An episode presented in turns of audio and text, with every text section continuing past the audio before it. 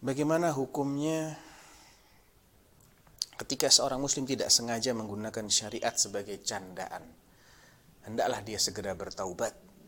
Karena kalau menjadikan syariat sebagai olok-olok, maka itu termasuk salah satu pembatal Islam. Allah SWT mengatakan terkait orang-orang munafik di surat At-Taubah. Eh, Allah mengatakan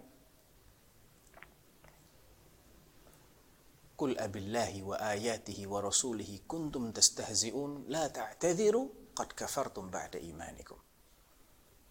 Ya, apakah kalian menjadikan Allah ayat-ayatnya dan rasulnya sebagai bahan olok-olok?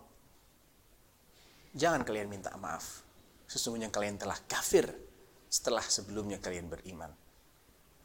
Jadi menjadikan syariat sebagai candaan. Candaan ini kalau kalau kesannya menyudutkan syariat, memojokkan aturan Allah, menjadi bahan cibiran, maka ini termasuk pembatal Islam. Maka jangan sekali-kali menjadikan itu sebagai candaan.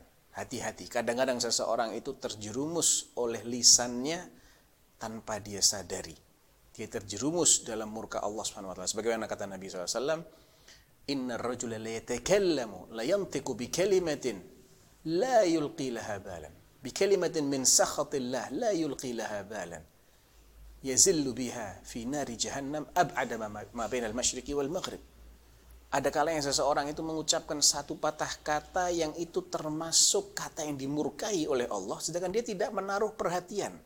Dia tidak begitu mempedulikan akibatnya. Tapi gara-gara kata-kata itu dia terjerumus dalam neraka jahanam pada kedalaman yang lebih jauh antara timur dan barat.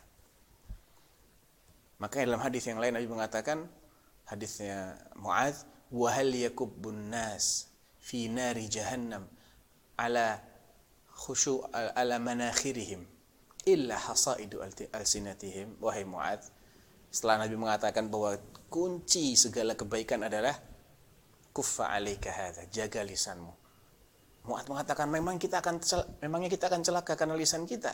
Maka jawab Nabi, memangnya apa yang menjerumuskan manusia terjerembab ke dalam jahanam kalau bukan lisan mereka?